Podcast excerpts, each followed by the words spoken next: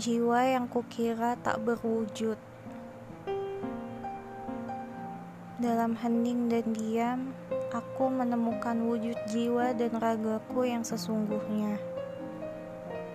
Lalu sang matahari berkata padaku bahwa jiwa itu tidak berwujud.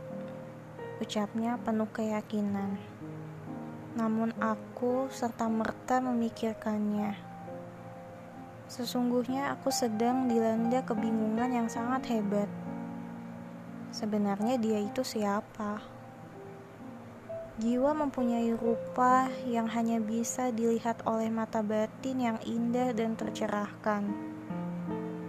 Lalu, aku harus berbuat apa agar sang matahari dapat melihat dan menggenggamnya dalam kenyataan yang selalu berubah-ubah? Sangat memusingkan. Aku hampir menyerah pada takdirku. Ya, tanpa rasa putus asa, aku kembali menghamba pengertian. Akankah segalanya menjadi seperti sedia kala? Jiwa punya nyawanya sendiri, begitu juga raga selalu menyatukan hasratnya pada hati yang tengah berkabung.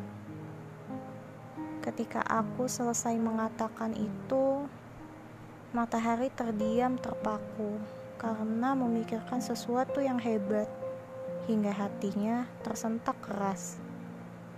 Namun, bukan matahari namanya jika ia tidak mempunyai jawabannya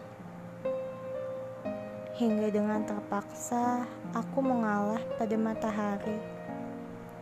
Sebab bagaimanapun juga ialah pujaan hatiku, rahasia seluruh hidupku, nyawa pada setiap detak jantungku.